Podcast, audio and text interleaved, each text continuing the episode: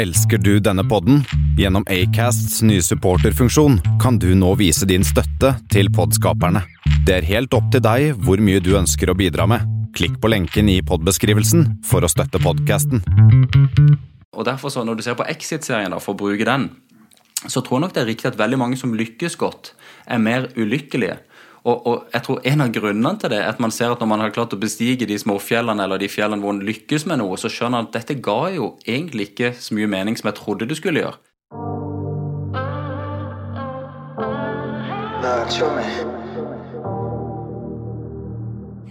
Lord,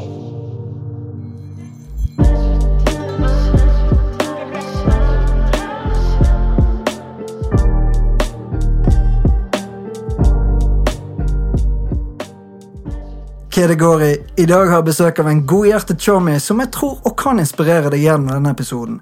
Dette er en mann som setter familien og troen på Gud først, men som også, med sine over 50 roller, ja, jeg sa 50 roller, i næringslivet bidrar med sitt engasjement for at mennesker har en arbeidsplass å gå til, ikke minst det å hjelpe andre til å kunne følge sine drømmer. Hadde ikke du kjent han og bare sett han komme gående ned langs gaten, så ville du kanskje tenkt at sjekk den kisen her, som jeg ja, synes han har tatt rett ut fra serien Exit, som er på alles lepper om dagen. Men det er så mye mer bak dette kjekkersmilet, den strøkne finansveisen og roen denne chomien utstråler. Vi snakker tro, hardt arbeid, samarbeid på kryss og tvers fra Norge til USA, entreprenørvirksomhet, eiendom, klesmerker, kirke, musikk. Listen går videre, og i tillegg har han betydd mye for meg når jeg startet plateselskapet G-Blast Records. Mine damer og herrer, glem galskapen i serien Exit, det her er Mr. David Reme, aka Crazy Amigo Davidos. Wow!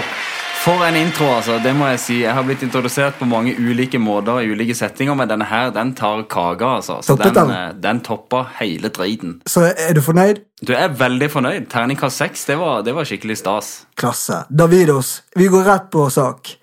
Fortell kort, hvem er David Reme? Hvem er David Reme? Du, eh, David Reme det er en enkel gutt fra, fra landet, født og oppvokst ute på Spangereid. Eh, pusher 40.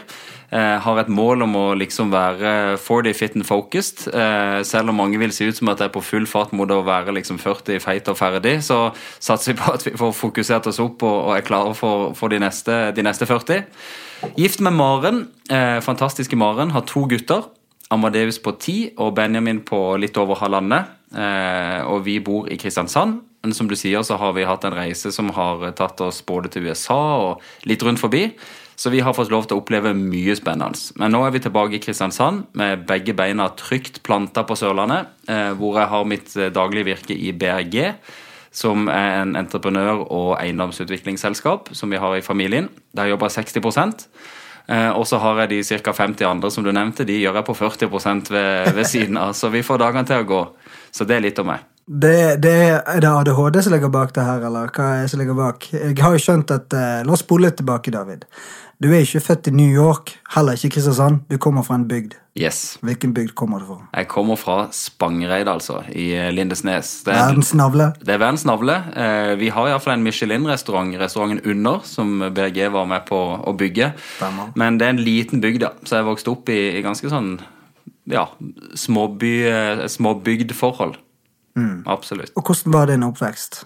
Var det, var det gateplan, eh, skyting rundt hvert hjørne og eh, høyt eh, rånefaktor på hvert hjørne med traktor med LED-lys og eh, diskokuler?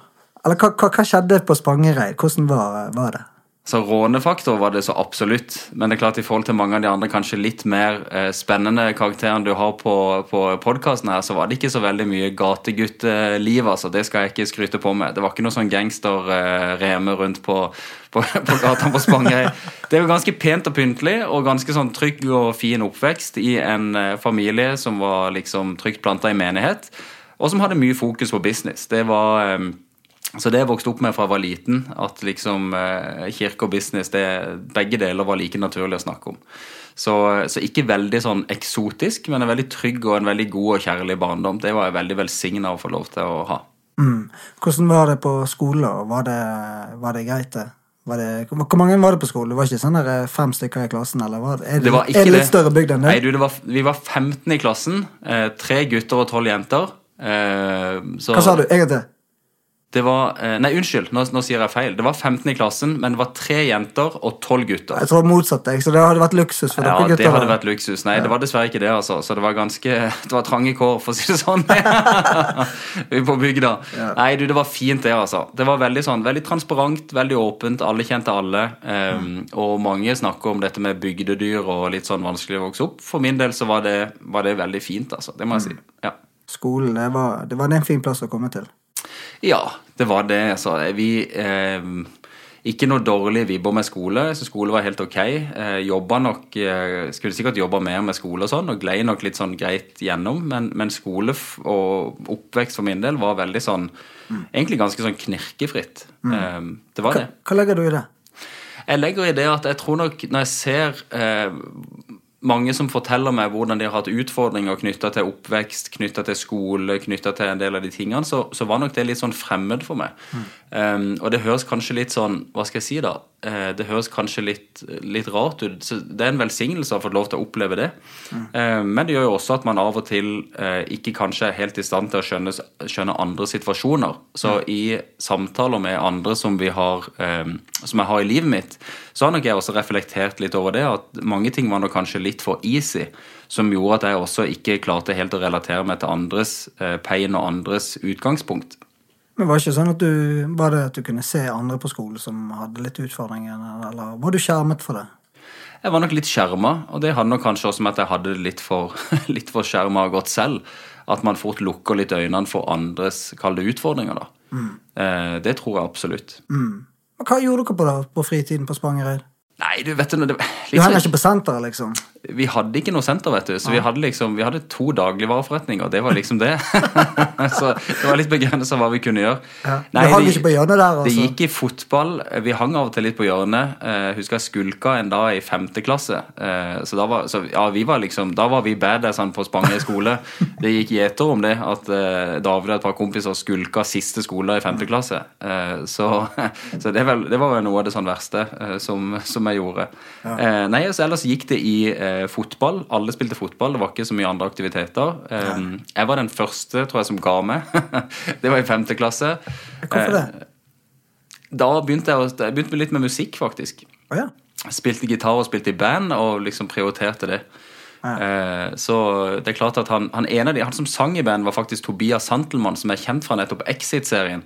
Eh, Du tuller. Nei, nei, nei. Så han var vokalist. Uh, så han var jo den som kanskje har kommet lengst da, i, i forhold til å bli kjent for de verste. Så når du nevnte Exit, så har jeg faktisk en, en barndomsbekjent og venn som da spiller der. Ja, da. Wow. Ja, snakker du med han uh, nå om dagen? eller? Nei, jeg har ikke hatt noe særlig kontakt med han, altså. Jeg har ikke det. Men Nirvanox, bandet vårt, det var jo altså det var jo egentlig dømt til å lykkes, det, altså. men siden det ikke lykkes, så fant han en annen, en, en annen vei som har fungert eh, relativt bra. Men Er det en greie at du har en god oppvekst på Spangereid, men så på en måte forsvinner folk litt eh, her og der? Det er kanskje ikke så mye å ta seg til der. Er det, hva, hva gjør man på Spangereid hvis du skal eh, ha en jobb og ha noe å gå til? Nei, Det har blitt litt annerledes. altså det er klart at Jeg tror nok du har rett i at det er nok en typisk fenomen over de siste par årene at sånne steder er det kanskje ikke så mange som kommer tilbake til. Eh, Og det er jo nettopp fordi at man har litt begrensa muligheter jobbmessig og på andre måter. Så kan jo det absolutt endre seg, både med pandemi og folk blir vant til å jobbe litt mer fjernstyrt osv. Og, så sånn. Eh, og jeg tror det er mange som gjenoppdager idyllen med å faktisk ikke være et sånn storbylarm, men faktisk det å kunne leve litt mer landlig. Så vi, eh, vi hadde også et håp om det, at vi skulle liksom lande opp på, ende opp på Spangereid faktisk, med Maren og familien. Men vi så rett og slett at, at logistikken gikk ikke i hop. Eh, både meg og Maren hadde for mye engasjementer til at vi klarte å på en måte finne den roen som da var nødvendig for å kunne nyte det. Eh, men, men det er allikevel en sånn litt et savn på en måte, selv om hele familien min nå er her i Kristiansand. Så kjenner jeg det at det, det landsbylivet og småbygdlivet, det, er- der er det mye fint, altså. Det er mye gull. Ser du av og til slenger ut noen uh, greier på storyen at du er ute og henter krabbe og fisking og god stemning med familien. Er det noe som ligger, eh, ligger det nært når du skal finne roen og litt vekk fra arbeidslivet og sånt? Ja, jeg gjør det altfor lite, for å være helt eh, ærlig. Skulle gjerne gjort det mer, men ja. Eh, hummerfiske, som vi alltid gjorde, og sånne ting, det er gode eh, ingredienser for å kunne senke skuldrene og få, finne hvilepulsen. For det er klart at med så mange engasjementer som vi har, så kunne vi ha jobba eh, kunne ha jobba døgnet rundt. Men det er noe med å finne den både inn- og utpust, og jeg tror du leverer mye bedre hvis du klarer også å finne hvile, hvilen mellom slagene. Så, så der eh, må jeg bli flinkere til å fiske, fiske litt mer. Ja, det er ikke så dumt, det. Men du har jo slengt ut mye agn her og der, i og med at du er involvert i over 50 roller i næringslivet. Stemmer det. Så du har jo eh, Men liksom fra skole og videre. sant? Du er vokst opp med en entreprenørfamilie rundt deg. Ja. Eh, og jeg husker du sa en gang til meg at du har på en måte kommet lett til det. Men allikevel, det er jo ikke bare bare det å skulle fylle noen andre sine sko og så, og så ta stafettpinnen videre. Det er jo eh, Lå dette her i eh, naturlig for deg at du skulle begynne å jobbe i BRG når du eh, gikk ut fra skole og sånt? Nei, altså du kan si, um, For å ta litt grann historikken, da. så når jeg vokste opp, så ja, jeg var alltid veldig interessert i det som handla om business og liksom entreprenørvirksomheten og sånn. Um, men samtidig også så hadde jeg var veldig veldig aktiv i kirke i de tidlige tenårene. Og hadde en opplevelse når jeg var tolv år, uh, at, uh, at jeg følte Gud hadde et kall over livet mitt. da, Og at jeg hadde en, en, på en måte en, at Gud ønska å bruke meg til noe spesielt. Og i mitt hode på den tida så så det sånn ut at da handla det om å enten være eh, predikant eller forkynner, eller liksom Jeg var jo sånn halvdisent på gitaren, så kanskje det, det var noe innenfor det også han kunne bruke meg til. Men jeg så ikke linken mellom på en måte det å skulle tjene Gud da, og det å skulle tjene eh, penger, for å si det sånn. Det så jeg på som litt to veldig forskjellige ting, da. Um, men så har jeg jo skjønt etter hvert at, at den passionen som jeg da etter hvert fikk, med både politikk og business, som kanskje tok meg litt bort fra tanken om å skulle liksom jobbe med, med ministry og kirke, den var nok mer i den retninga Gud egentlig hadde for livet mitt. da. Um, så, så når det gjelder det med som du sier, med å komme lett til det og inn i familiebedrift, så var det viktig for meg også å gå noen litt egne skritt. Mm. Mitt, et av mine ungdomsopprør var at jeg ble økonom og ikke ingeniør. For det, det var liksom familietradisjonen at ingeniørbygg var det man ble. Ja. Eh, Jeg tok en, en økonomiutdannelse på BI, eh, og så begynte jeg ikke å jobbe rett i familiebedriften, som den gangen var gamle Brødrene Reme, som min bestefar starta. Stemmer. Og den bedriften ble solgt også i 2001. Så når jeg var ferdig utdanna, så begynte jeg å jobbe for Olav Thon-gruppen. I Oslo. I Oslo. Så det var en kjempefin mulighet, hvor jeg begynte som eiendomskonsulent og var assisterende eiendomssjef for kjøpesenterdivisjonen da når jeg slutta. En veldig, noen veldig, veldig gode og spennende år. Og så starta vi BG i 2008. Så det starter på en måte som en grein i på en måte familiens virksomhet, men som egentlig et nytt selskap. da. Så vi følte også at da hadde jeg både hatt litt erfaring ved siden av, eh, som var viktig for min del personlig, og eh, vi starta på en måte noe litt nytt, hvor vi var aktive fra, fra dag nummer én. Mm. Men var det sånn at du følte deg litt eh, forpliktet til å komme ned til Sørlandet igjen og bidra i familien, da? eh, I selskapet? Eller var det noe som det lå en drøm inni deg der som gjorde at du ville ned igjen og, og, og være med og bidra? Ja, det var mer en, en lyst, for å si det sånn, enn en følelse av forpliktelse. Det var det. Um, så, så det var absolutt en sånn en drive i meg, vil jeg si, til å være med og kunne bygge videre noe av det som, som uh, min far og familien hadde vært med og bygd tidligere. Så jeg har alltid hatt en veldig sånn passion for, for det med business. Eh, og da var det naturlig for meg å gå innenfor den, den leinen der, da, som handler om bygging og, og, og eiendomsutvikling. Men det å være en kristen og være i Oslo og jobbe for Ton, det er jo litt sånn status. Det er jo ikke til å legge skjul på. Men hvordan var det miljøet der? Er det litt sånn som du ser på den der eh, NRK-serien Exit? Er det overdrevet? Eller er det litt sånn at man har eh, Det er litt sånn koseklubber, eller hva skal jeg kalle det? Det er mye partyfaktor. Ja, altså du kan si akkurat Olav Thon-gruppen er kanskje en av de mer trauste eh, eiendomsmiljøene. da, eh, Og det mener jeg positivt. Eh, det er nok mer sånne finansielle eiendomsmiljøer som, hvor det er nok litt mer high speed og, og Ja, for høy sånn, føring. ja, for jeg tenker litt sånn det miljøet rundt, da. For Ja. når du jobber der du jobber i Oslo, og, og man går på forskjellige restauranter og sånt, så er jo litt sånn Det er jo litt smøring her og der, og nettverksbygging her og der. Ikke, det, ikke litt Jo sånn, da, litt, litt sånn er det. Jeg tror nok at, at jeg kjenner meg ikke helt igjen i akkurat Exit-serien. Men, men jeg kan nok også si det at i den, den fasen av livet mitt, da, når jeg på en måte som, som jeg nevnte, vokste opp liksom i kirke, etter hvert så var det mer business og disse tingene som tok mer skal vi si, overhånd. Og i de årene der og den fasen så kobla jeg nok ikke så veldig mye de to tingene. Altså Jeg kobla ikke søndagen for å si det sånn, og gudstjenestedagen med mandagen. Det hadde ikke så mye med hverandre å gjøre. Troa var der hele tida, men troa lå nok også ganske litt sånn litt tilbake i bevisstheten, selv om jeg hadde på en måte eh, tro, altså, troa var der hele tida, men det betydde ikke så mye for hvordan jeg levde. Nei. Så du, å, du var på en måte trygg på deg sjøl i forhold til dine valg, og du ble ikke følte det var vanskelig å bli dratt inn i litt feile retninger. Ja, det, Jeg var nok sårbar for det, eh, sånn sett, hvor jeg ikke hadde det fokuset 100% i forhold til, til menighet. Eh, de, de største utskeielsene vet jeg ikke om det ble, men, si det sånn. men, men, men det, var en, det var en periode hvor det var veldig gøy, men det var, ikke, det var kanskje ikke så meningsfylt, hvis det maker sense akkurat da, for det ble veldig mye businessfokus. Ja. Men er det sånn at du må ha den der eh, hele pakken, da? Altså når du er i det miljøet? Du kjører ikke rundt i en eh, Toyota Corolla 99-modell. Du kjører heller Eller kan man gjøre det? Ja, For Olav altså, Thon er jo litt mer. Han er jo mer sånn ydmyk, forsiktig mann, ikke det? Ja, ja. Altså, Olav Thon så- hadde jo en, han hadde jo en sånn Subaru nede i garasjen, og vi passet jo alltid på at ikke vi parkerte ved siden av han, for han, han bulka jo borti det meste. Så han, Og han hadde råd til å betale regningen, han. ja, eh, men han, han så ikke poenget med å skulle fikse på bulker. Det, okay. så han, men han er, en, han, er en artig, han er en artig karakter, han, og veldig langt ifra det du ser i Exit. Ja. Exit-serien, for å si det sånn. Ja. Så jeg tror nok at, at det er nok Det fins miljøer som beskrives i Exit-serien, det gjør det absolutt. Mm. Men samtidig, det store flertallet av norsk næringsliv er ganske langt, langt unna det. Mm. Ja. Men da når du kom ned til Sørlandet, og du eh, treffer Maren, og det blir eh, love is in the air, og Løp. god stemning Hæ? Hva, hvordan var det å treffe Maren rett fra Idol, og eh, du rett fra Oslo med Olav. Thon? Det var jo bare Nei, det måtte jo bare smelle, det, altså. Ja, det var jo det. Nei, altså Glem det big bang, liksom. Ja. ja, det var dynamitt, rett og slett, når Ja. vi kom sammen. Ja. Nei, Maren er fantastisk. Og Ja. Maren, Maren er jo ei dame, for alle som kjenner henne vet vet hvem hun er, som har hjertet på utsida. Um, Mm. Ja, hun- det vil jeg si du òg, David. ja, takk for det. Det er hyggelig å høre. Men jeg tror nok Maren har smitta en del over på meg, for å si det sånn. Ja, det kan godt Eh, stemme. Fordi at eh, jeg, jeg tror nok ikke Og litt sånn igjen med å ha hatt en oppvekst som, hvor man er skånt for en del ting, så var det også sånn at rett i forkant jeg traff Maren, så hadde jeg jo kanskje en av de kjipere eh, momentsene i mitt liv hvor jeg hadde gått gjennom et samlivsbrudd før jeg traff Maren. Et ekteskapsbrudd, rett og slett. Jeg var gift, og så, og så ble det en skilsmisse. Og det var i etterkant av det så hadde jeg nok en sånn en livskrise hvor det var veldig viktig for meg å redefinere litt hvem var hvor. Um, og hadde opp til det punktet vært ganske sånn skånt fra kriser og skånt fra ting som var kjipt og vanskelig.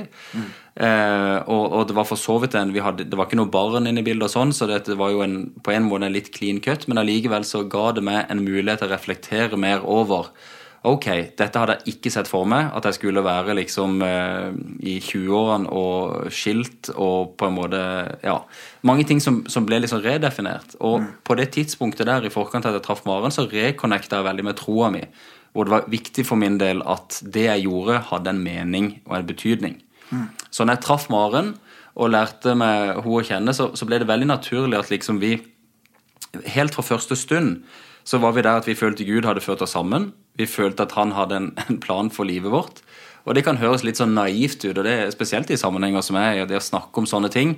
Blir litt sånn eh, bla, bla, hvem tror du du er som, som tenker at Gud har noe særlig interesse av hva du og, og Maren driver med? Men, men sant, jeg tror på en, en skaper som har skapt oss, eh, og han har skapt oss med en hensikt og med en mening.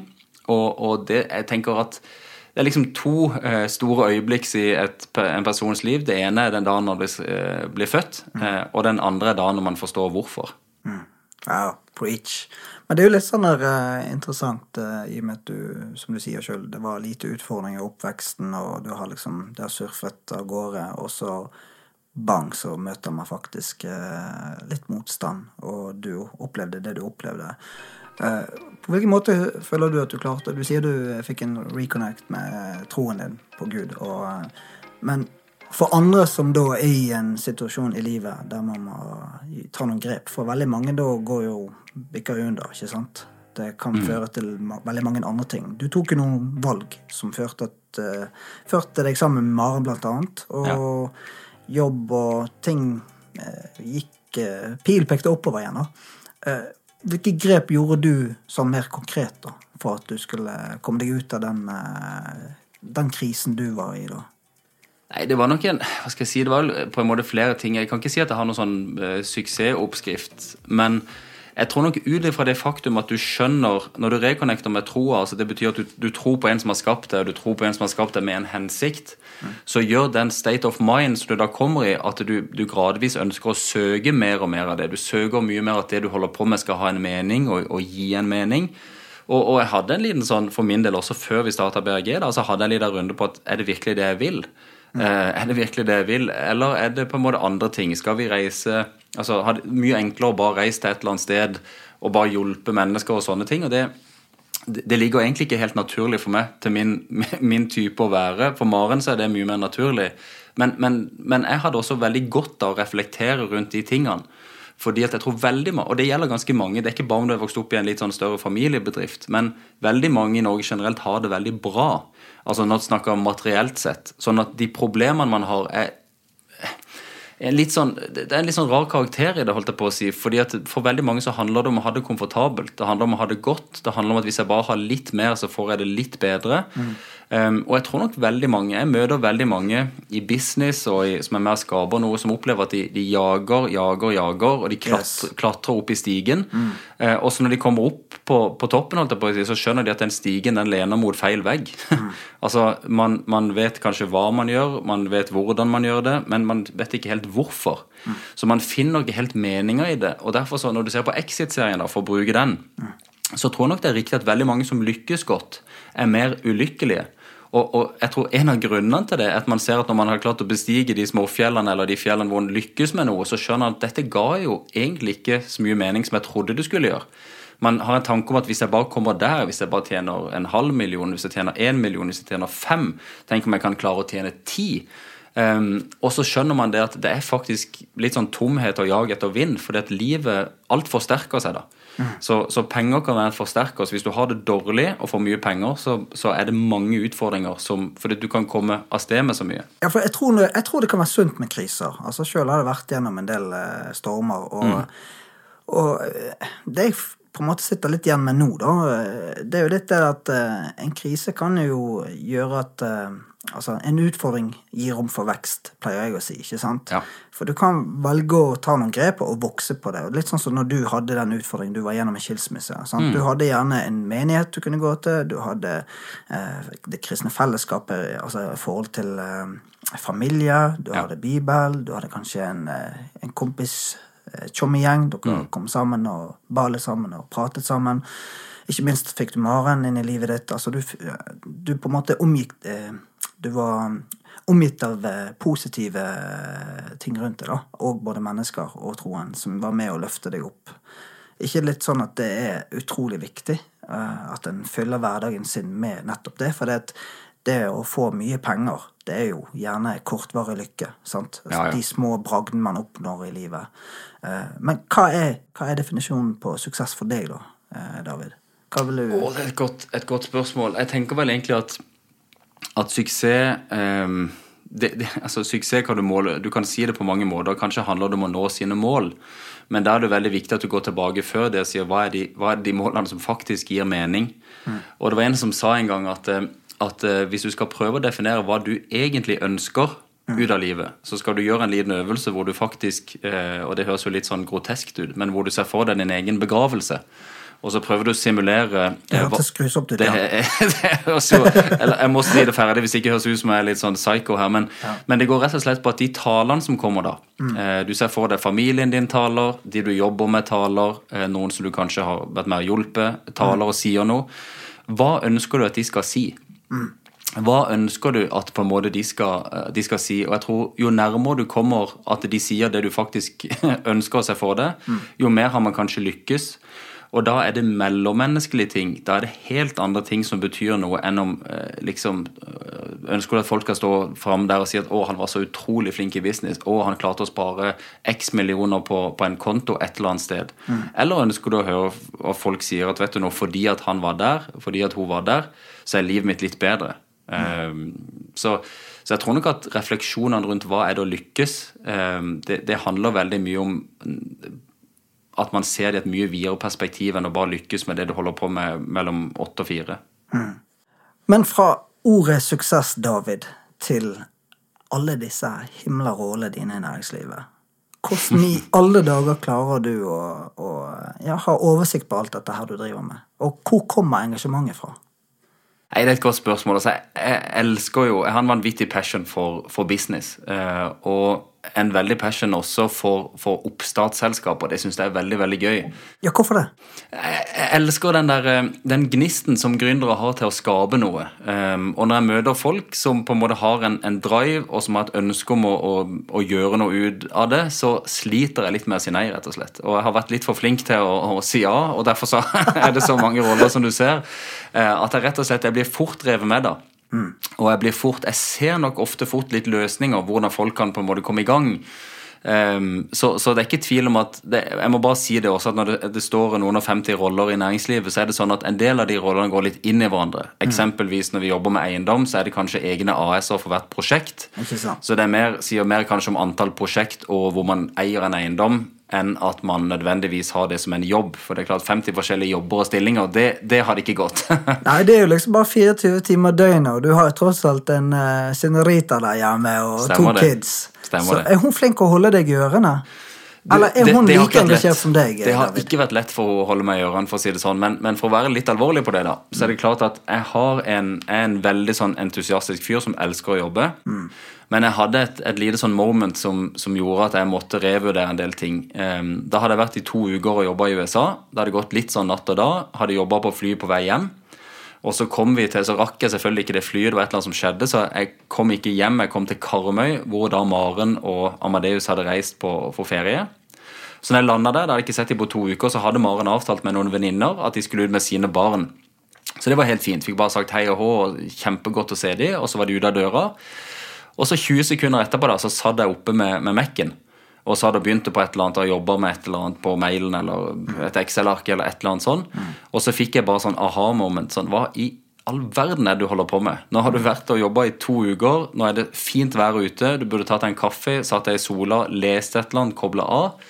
Og det starta en liten sånn soul search for min del. at Hva er det som gjør at jeg ikke klarer å trykke på, på A-knappen? Mm. Og det er et litt sammensatt svar, da, men, men sånn basically så er jeg nok har en sånn workaholism, eh, nesten sånn addiction. Fordi at jeg rett og slett får et kick av å jobbe. Mm. Um, så, du blir sjelden sliten, du, altså? Um, ja, altså stort sett så gjør jeg ikke det. Jeg har hatt noen faser hvor jeg nok har vært det som jeg ser i ettertid, er sånn på grensen til å liksom bli utbrent eller møte veggen. Mm. Men eh, Så da, da, da, tapper du veldig sånn Da tapper du energien fort. Men, men, generelt så har jeg nok veldig, veldig mye å gi. Og jeg husker når jeg og Maren snakka om disse tingene når det bare var meg og hun, og det var et problem at jeg jobba mye, så husker jeg sa det at hvis jeg hadde vært eh, singel, så tror jeg jeg kunne jobba 20 timer og så sovet fire. Og det, det, var nok sant på det tidspunktet, selv om eh, at det ikke er noe livsstil som jeg tror bringer deg noe, noe, godt sted. Så alt det for å si at jeg har måttet litt sånn the hard way lære meg det at jeg blir nødt til å sette rammer og begrensninger. Mm. Og det har jeg blitt stadig flinkere til, faktisk. Det har gitt meg veldig mye ro at jeg klarer å lage den spacen i kalenderen min. Så står det Family Time på morgenen og fram til klokka halv ni. Sånn at jeg har rom til å være med og levere barna. Fantastisk. Booker alle noen mm. møter før ni. Mm. Og så gjør jeg det samme på ettermiddagen mellom fire og halv ni på kvelden. Men er det noe som kommer med årene? For det, eh, David, la oss eh, legge det fram på bordet. Du blir 40 år. Oh yeah. oh yeah. Er det noe som eh, At visdommen De sier jo eldre du blir, jo mer visdom er det, ikke Jo, det kan godt være. Og du begynner å skjønne det. Du har vært gjennom sant, en Amadeus hvor jeg, jeg fikk ikke tatt veldig mye permisjon da han var liten. Mm. fordi vi, Da var vi midt i å bygge Akvarama, um, og hvor jeg da var ja, veldig engasjert i det. og uh, han var med på jobb, og vi hadde gøy, vi, når han var med meg rundt på brakka og var på liksom, eh, kontor osv. Og, så og sånn. Men vi, det gjorde jo også at vi tok jo en timeout. Vi tok en sabbatical hvor vi reiste til USA um, og sa at nå trenger vi et halvt år hvor vi bare kobler helt av. Mm. Uh, og, og, det var nok også gjennom det at jeg skjønte at jeg kan ikke fortsette med å brenne lys i alle ender. Mm. Og så ser du av de rollene som jeg har, at det fortsatt er ganske høy aktivitet. Men som sagt så er det også sånn at i mange av disse selskapene så er jeg veldig opptatt av forventningsavstemme. Uh, at på en måte at jeg har ikke tid, men kanskje vi har litt kapital. Kanskje vi kan være på noen styremøter for meg å sette retning og sånn, men jobben imellom, det, det, der kan ikke vi bidra så mye. Mm. Så, så, det vet jo du. Eh, jeg har ikke rent ned, jeg har ikke plagd deg, eh, og du har ikke plagd meg heller, selv om jeg sitter som styremedlem i nei, nei, selskapet nei, ditt, og vi, vi hjalp deg litt i gang. Ja. ja. og det er litt det der tilbake til det, da, for du sier at du, du trigger den der, eh, de her gründerne, og du, du syns det er gøy å være med og få noe i gang. Eh, og for ti år siden, eller nå er vi faktisk gått 20, Nå er vi 2021. I 2010 så startet jo G-Blast Records AS, og der var jo dere var med og sådde noen frø inn i mitt liv. Hva som gjorde at dere eh, liksom eh, ja, så meg og den drømmen jeg bæ- bærte på. For dette, jeg kan ikke legge tvil på at det har vært eh, til stor hjelp i starten. Og eh, jeg som ikke har vært eh, verdensmester i matematikk, eh, plutselig skulle sitte på eh, kontoret til David Reme og gå gjennom regnskapet. Det var jo en eh, Det var en litt sånn der eh, ja, det var en eh, fin eh, kickoff i forhold til eh, den reisen jeg har vært med på, da. Eh, ja, hva som gjorde at dere eh, vil være med og ja, gi meg noen eh, gode ord på veien?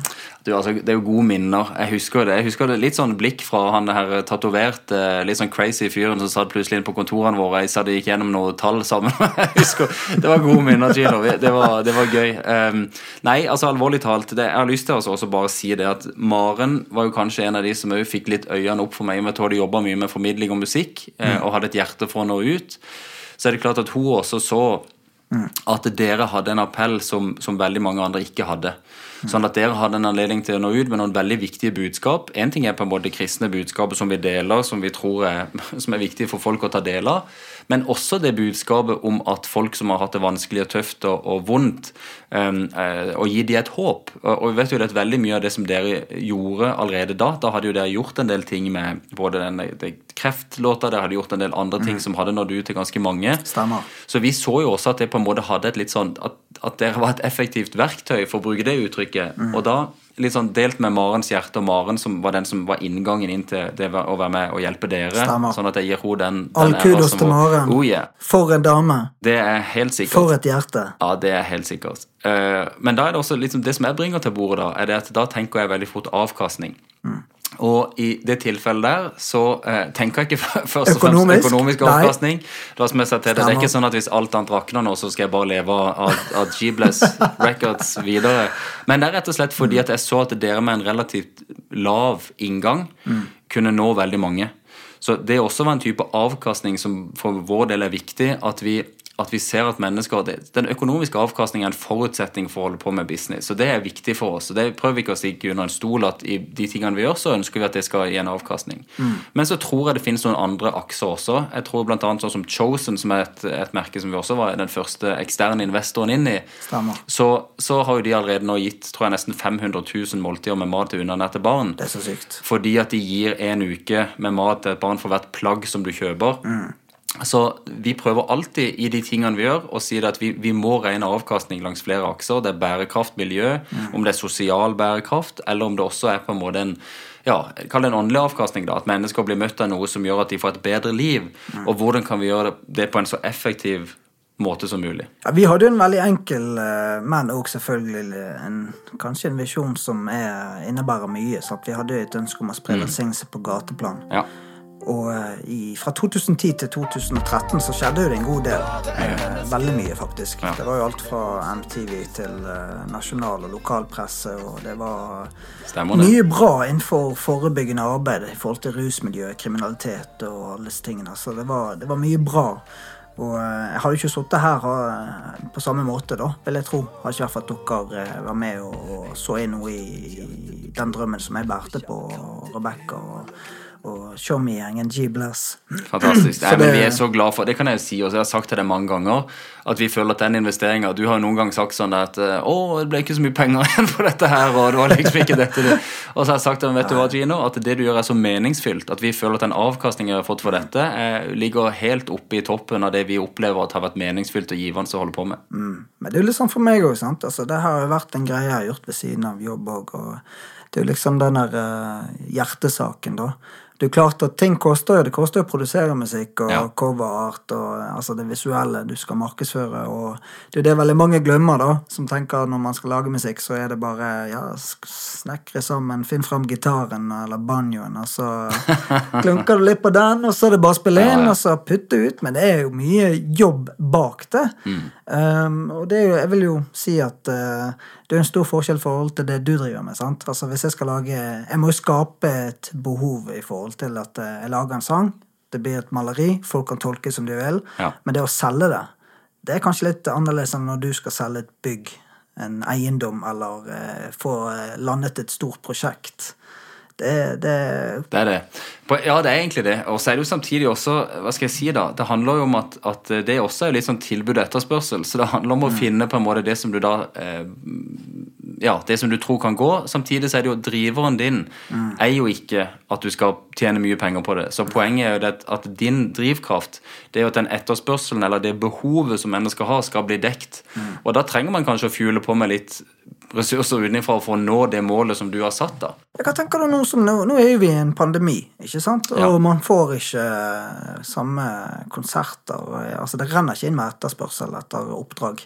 Og, men hvor viktig er det likevel da og man heter enten Jesus Loves Electro, som også du har vært med å backe, og, og Men altså, Jesus Loves Electro, du har G-Bless, vi har eh, David André Østby Man har veldig en god del eh, eh, musikere der ute, da, som ønsker å formidle tro, håp og kjærlighet. Ja. Eh, Du ser det er en stor utfordring. Hva, hva kan vi gjøre for å fortsette å, å bygge videre på den plattformen vi, vi har fått? Nei, det, det er et godt spørsmål. og tror jeg håper at vi på en måte snart er, igjennom. gjennom. Eh, Og jeg tror for veldig mange, inkludert de du nevner, så har pandemien vært tøff.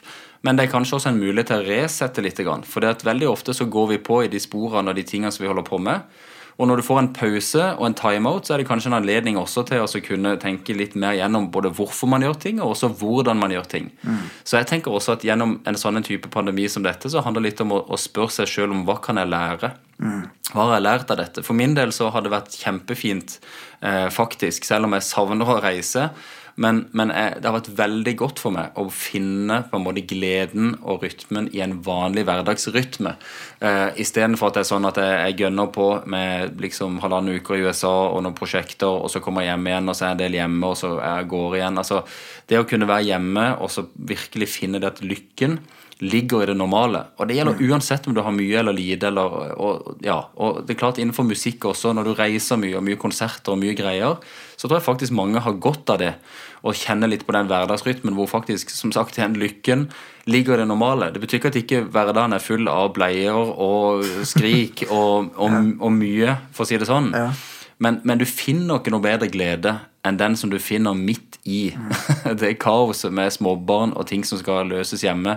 De små blikkene du kanskje får med konemor mellom at du kanskje fighter om et eller annet, men hvor du liksom bare ser at, at guttene ligger og leker og finner ut av noe et eller annet gøy.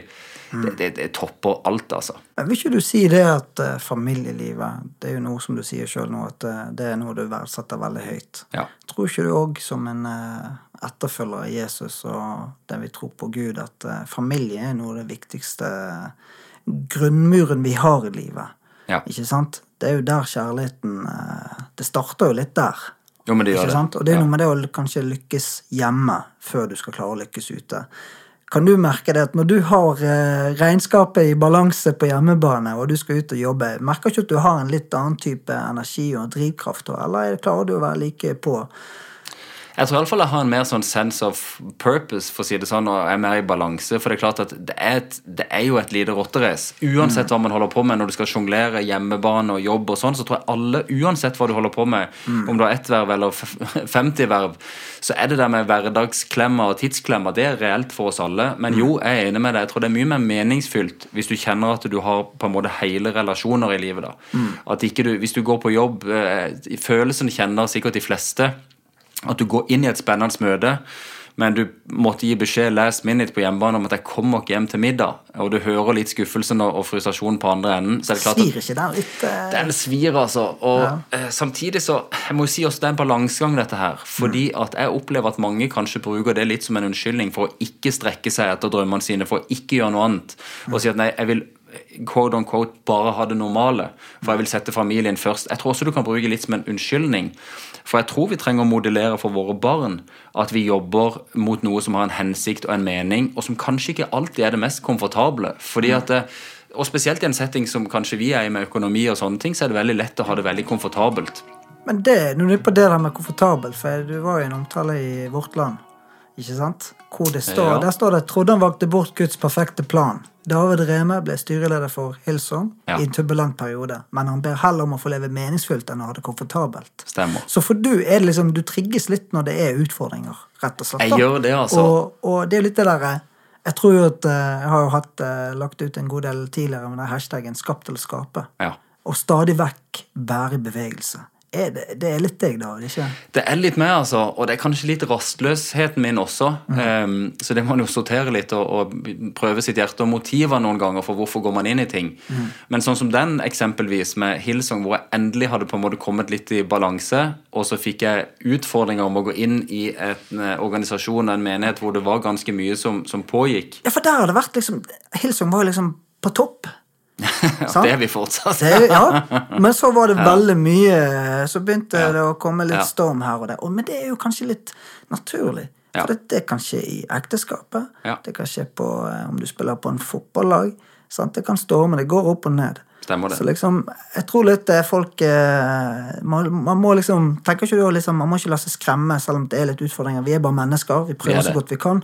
Og, men hvordan er statusen i Hillsong nå, da? For uh... Nei, det er klart For alle, for alle kirker akkurat nå så er det litt sånn krevende at det, når man ikke kan samles på vanlig måte. Du er litt sånn i tvil. Hvem er, hvem er der når man kan begynne, kan begynne å møtes igjen? Så det tror jeg nå alle kjenner på i, i mange sånne sammenhenger. Ehm, vi opplever at det har vært en tøff sesong, uh, fordi at sesongen for vår del ble sånn dobbel. Du hadde både korona og at alle våre vanlige aktiviteter måtte endres på. Men så hadde vi i tillegg dette med at vi hadde den, altså en del som slutta, og vi hadde en runde i forhold til lederspørsmål og sånne ting, som kan være ganske opprivende for en organisasjon eh, hvor man har vært sammen og stått sammen i noe over lang tid. Så er sånne ting alltid komplisert og vanskelig. Det er aldri, det er aldri enkelt. Men for de som ikke helt vet, hva er din rolle i Hilsong? da? Jeg er styreleder i, i det som heter i Hilsong Norge. Så, så jeg er leder for, for styret og har vært med og fasilitert en del av de litt vanskelige prosessene vi har gått gjennom. Jeg tror fordelen kanskje som man har da når man kommer litt fra, fra næringsliv og fra sånne ting, er at man er vant til litt tøffere prosesser. Um, sånn at man evner kanskje, og forhåpentligvis, eh, å både holde hjertet varmt, men også hodet kaldt uh, gjennom sånne prosesser. For at man er vant til som sagt, at ting kan gå litt, litt varmt for seg, og det blir man ikke skremt av. Så, eh, så jeg håper og tror at man har en funksjon i en del sånne sammenhenger hvor en kan bidra med et litt annet perspektiv. da. Eh, men det er krevende, og det er vanskelig, og ikke, det har kommet med en ganske høy prislapp, akkurat den, eh, den rollen, når det gjelder både tid, men også eh, skal vi si, også litt sånn graden av vanskelige oppgaver, vanskelige prater man er nødt til å ha, har vært, det har vært krevende, og, og det har også vært utviklende da, for min del som menneske. For som vi var innom litt innledningsvis, livet var veldig lett for meg i, i, eh, i oppveksten, takket være en fantastisk kjærlig og god familie. Um, og jeg hadde også en far som jobba mye. eh, men han var veldig til stede når han var til stede. Så for min del så var det aldri noe sånn at jeg følte at jeg på en måte mangla noe. Men jeg tror kanskje også at det at han modellerte at han jobba med noe som faktisk var, som han, ga han mening Han var også aktiv, type ledende eldstebror i den lokale pinsemenigheten, og sånn, så han var også veldig engasjert og satt i kommunestyret. Sikkert litt for, for mye en periode, som jeg kan kjenne meg godt igjen i. Men samtidig så er det noe med å ikke kaste ut barnet med badevannet. Jeg tror vi må modellere for våre barn at vi, det ikke, handler ikke om å bare ha det komfortabelt. Det handler om at noen ganger så må vi ta et ansvar og gjøre ting som ikke kanskje er så forbaska gøy, men som er nødvendig. Ikke litt det der med tørre å gå foran? Og det, er jo- når du går foran da, og er i striden, så er det klart at du er utsatt. Det sier jo seg sjøl, enn at du kan heller eh, gjemme deg bak eh, en hel armé inni en bunkers. Men, Stemmer. Og det er litt sånn interessant. Hva sier at du eh, ja, du, du, du plasserer deg litt i fronten, da, David. Nei, hva, hva er det for noe? Det er kanskje En psykolog har kanskje en eller annen eh, diagnose på det. Nei, men helt alvorlig talt, det, det er mange som stiller det spørsmålet, og jeg har måttet reflektere litt over det selv også. em, fordi at folk tenker at du trenger jo ikke å gjøre det. Du har, det gjør jo allerede mye bra, og hvorfor måtte du ta på deg dette? Du har tross alt så mye annet ansvar, og skjønner ikke hvorfor. Og risikoen omdømmemessig og på alle måter med å hoppe inn i en konflikt som på en måte hadde mye Selv om det er den smale kristenmediaen, da, men som hadde mye interesse der, og som ga mye Som ble mye føss, og du får mye vanskelige spørsmål. Og det er klart at det er nok et eller annet i meg som trigges litt også av de litt vanskelige prosessene. Er det litt sånn at du er litt meglertype nå? Ja. Du vil eh, finne løsning. Ikke sant? Det er veldig fort at man fokuserer på problemet. Jeg tror du har rett i det. Jeg er nok veldig, altså, veldig sånn løsningsfokusert. Ja. Og jeg har nok sett i en del sammenhenger at um, Og så er jeg nok litt Jeg håper jeg tror eh, Ikke med referanse til din sveis, Gino, men jeg er litt lite hårsår. Eh, selv om jeg har en sånn den strøkne finanssveisen. Gino. men, men jeg tror nok også det. Og da, da kan du ikke heller For hvis, du, hvis, du ber eh, hvis du ber Gud om at han skal bruke det, så kan man ikke si det og føle seg veldig brukt i ettertid. Hvis du ber om å være en, en bro, så kan du ikke føle deg tråkka på um, i ettertid. Så, så jeg tror nok det er noe med at, at forskjellen mellom å leve meningsfylt og det å leve, kall det suksessfullt, det kan også være to veldig forskjellige ting. For jeg tror nok det er veldig mange i min setting, altså kanskje en del i, i kristensettinger føler at ah, man er så vellykka og man gjør så mye godt og sånne ting. Det er veldig mange i min business-sfære som ikke helt skjønner hva i all verden er det egentlig de holder på med. Hva, hvorfor engasjerer de seg i ting som ikke gir business, eller som, ikke, som gir omdømmerisiko, eller som gjør sånn og sånn? Men jeg bare ber om litt i min naivitet, da. At jeg skal få lov til å bli brukt til noe som jeg kan tenke tilbake på også, når en reflekterer tilbake på livet. At, at der, akkurat der så, så ble man faktisk brukt. Ikke fordi at jeg sjøl på en måte var så fantastisk, men fordi at faktisk man sa at man var villig til å gjøre det.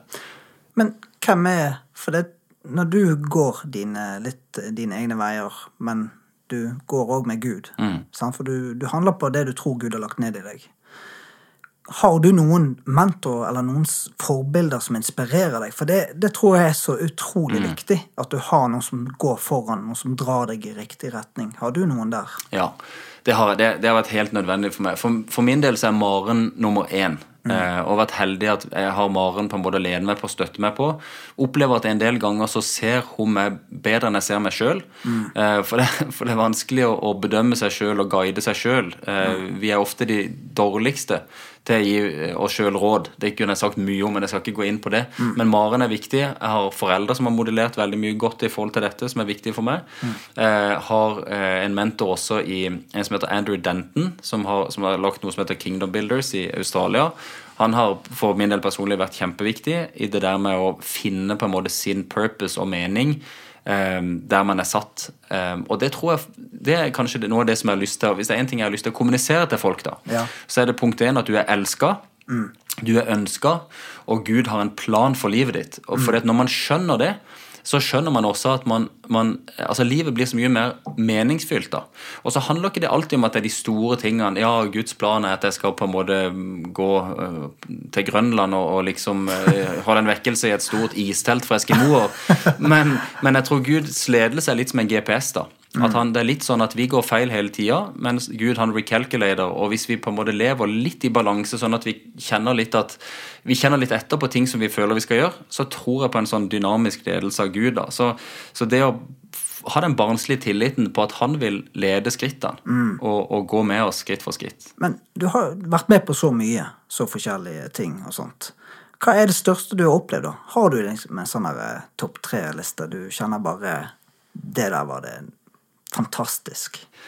Nei, altså på, på det personlige plan så handler det veldig fort om eh, å gifte seg med Maren. eh, først og fremst for de to gutta. Så da har du på en måte topp tre-en sånn på det, på det private. Det betyr jo alt. ikke sant? Det vet du, man, du også som har familie, at, at alt annet uh, fades away. Størst av alt er kjærlighet. Det er ingen klisjésetning, det, Nei, men altså, det, er ikke det. det er ekte. ja, sånn, sånn er det bare. Mm. Når det gjelder jobbmessig, så er det klart at det å starte BRG og få det til Vi starta jo i prinsippet på en måte på, litt på scratch, og det har blitt en, en stor virksomhet. Det har vært veldig gøy. Vi har flere andre bedrifter, Scanturf, som vokser veldig i kunstgress. Vi har flere andre ting vi er med på, klesmerker som vi bygger opp, som vokser veldig nå. Så, så alle de tingene har vært gøy og, og meningsfylte. Um, men igjen så kommer du stadig tilbake til at det, det livet som handler om familielivet, de, de, de vanlige skrittene der, det er det som gir livet ekte flavor og ekte glede. Har du en guilty pleasure, David?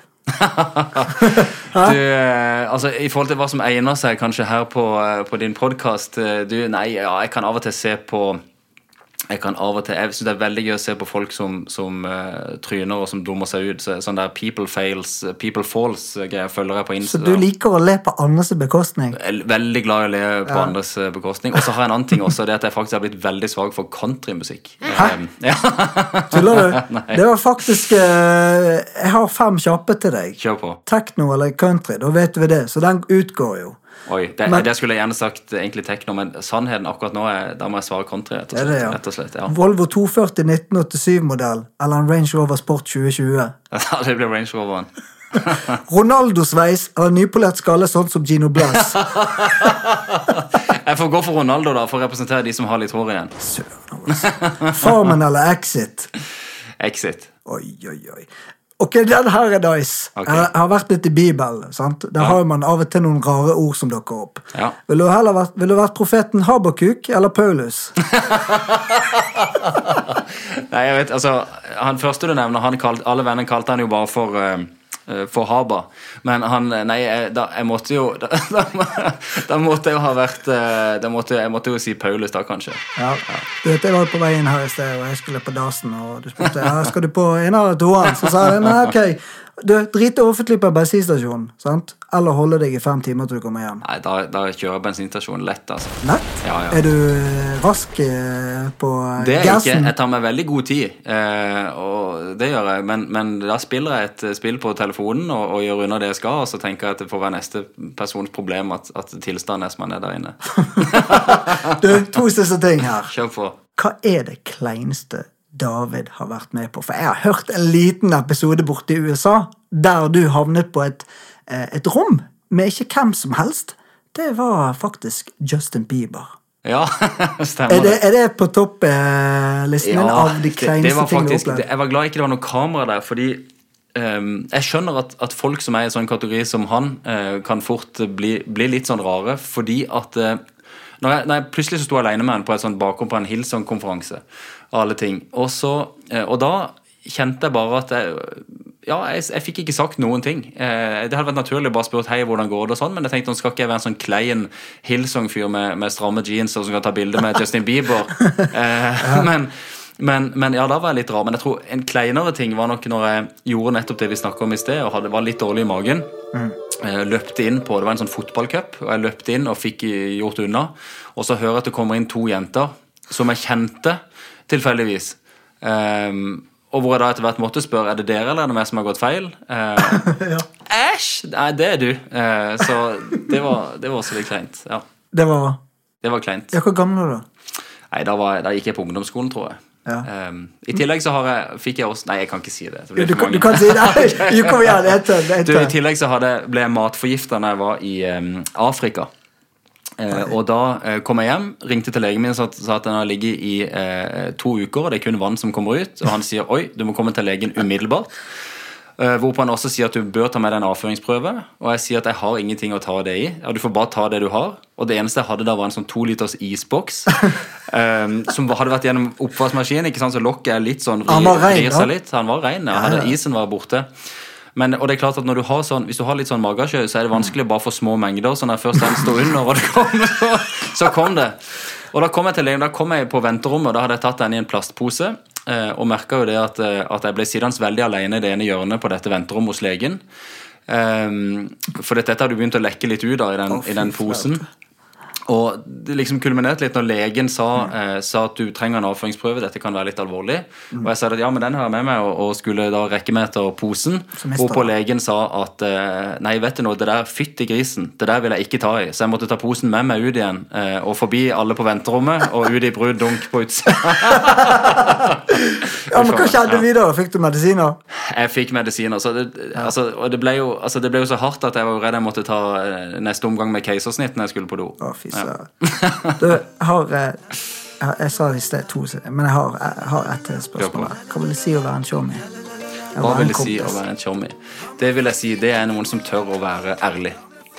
Noen som tør å speile deg for det du faktisk trenger å vite noen ganger, og ikke bare det du ønsker å høre. Så det trenger vi alle. Vi trenger alle noen som kan gi noen litt sånn strake pucker og si at hei, her har du kanskje litt av blindsone. Hei, når du sier sånn eller gjør sånn, så kan det være at en del som blir såra eller tenker sånn og sånn. Det er virkelig å være en tjommi. Og hvis du da til slutt skal gi en, et godt råd, eller noen gode råd, til noen eh, unge lovende der ute, eller det kan nok godt være òg 40-åringer, sånn som han som sitter rett over her, uh, som går med en drøm. Ja. Hva, hva, hva kan du si til de? Altså, for det, ordet drøm kan jo være veldig svevende. Det kan det. Sant? Hva konkrete tips kan man gi til de som eh, bærer på en drøm, men kanskje ikke har eh, nok ressurser? Mm. Nei, jeg tenker at det handler litt om at eh, For det første så elsker jeg at folk drømmer og drømmer stort. Men så er det litt sånn også at en drøm uten et budsjett og en tidsplan forblir sannsynligvis bare en drøm. Så hvis ikke du klarer å sette en, en, et budsjett og en tidsplan sjøl, så finn folk som kan hjelpe deg med det. For dette, hvis du vil virkelig lykkes med drømmen din, hvis du virkelig ønsker å lene deg fram og på en måte og, og gjøre det, så trenger du faktisk hjelp. Så det viktigste er det tør å drømme stort, og tør å spørre folk om hjelp, sånn at drømmen din kan bli en realitet. Og mine damer og herrer, det her Glem Exit. Det her var Mr. Crazy. David Reme. Amigo Davidos. Oi, takk for at jeg kunne komme, Gino. Dette var veldig gøy. Bless up! Boom.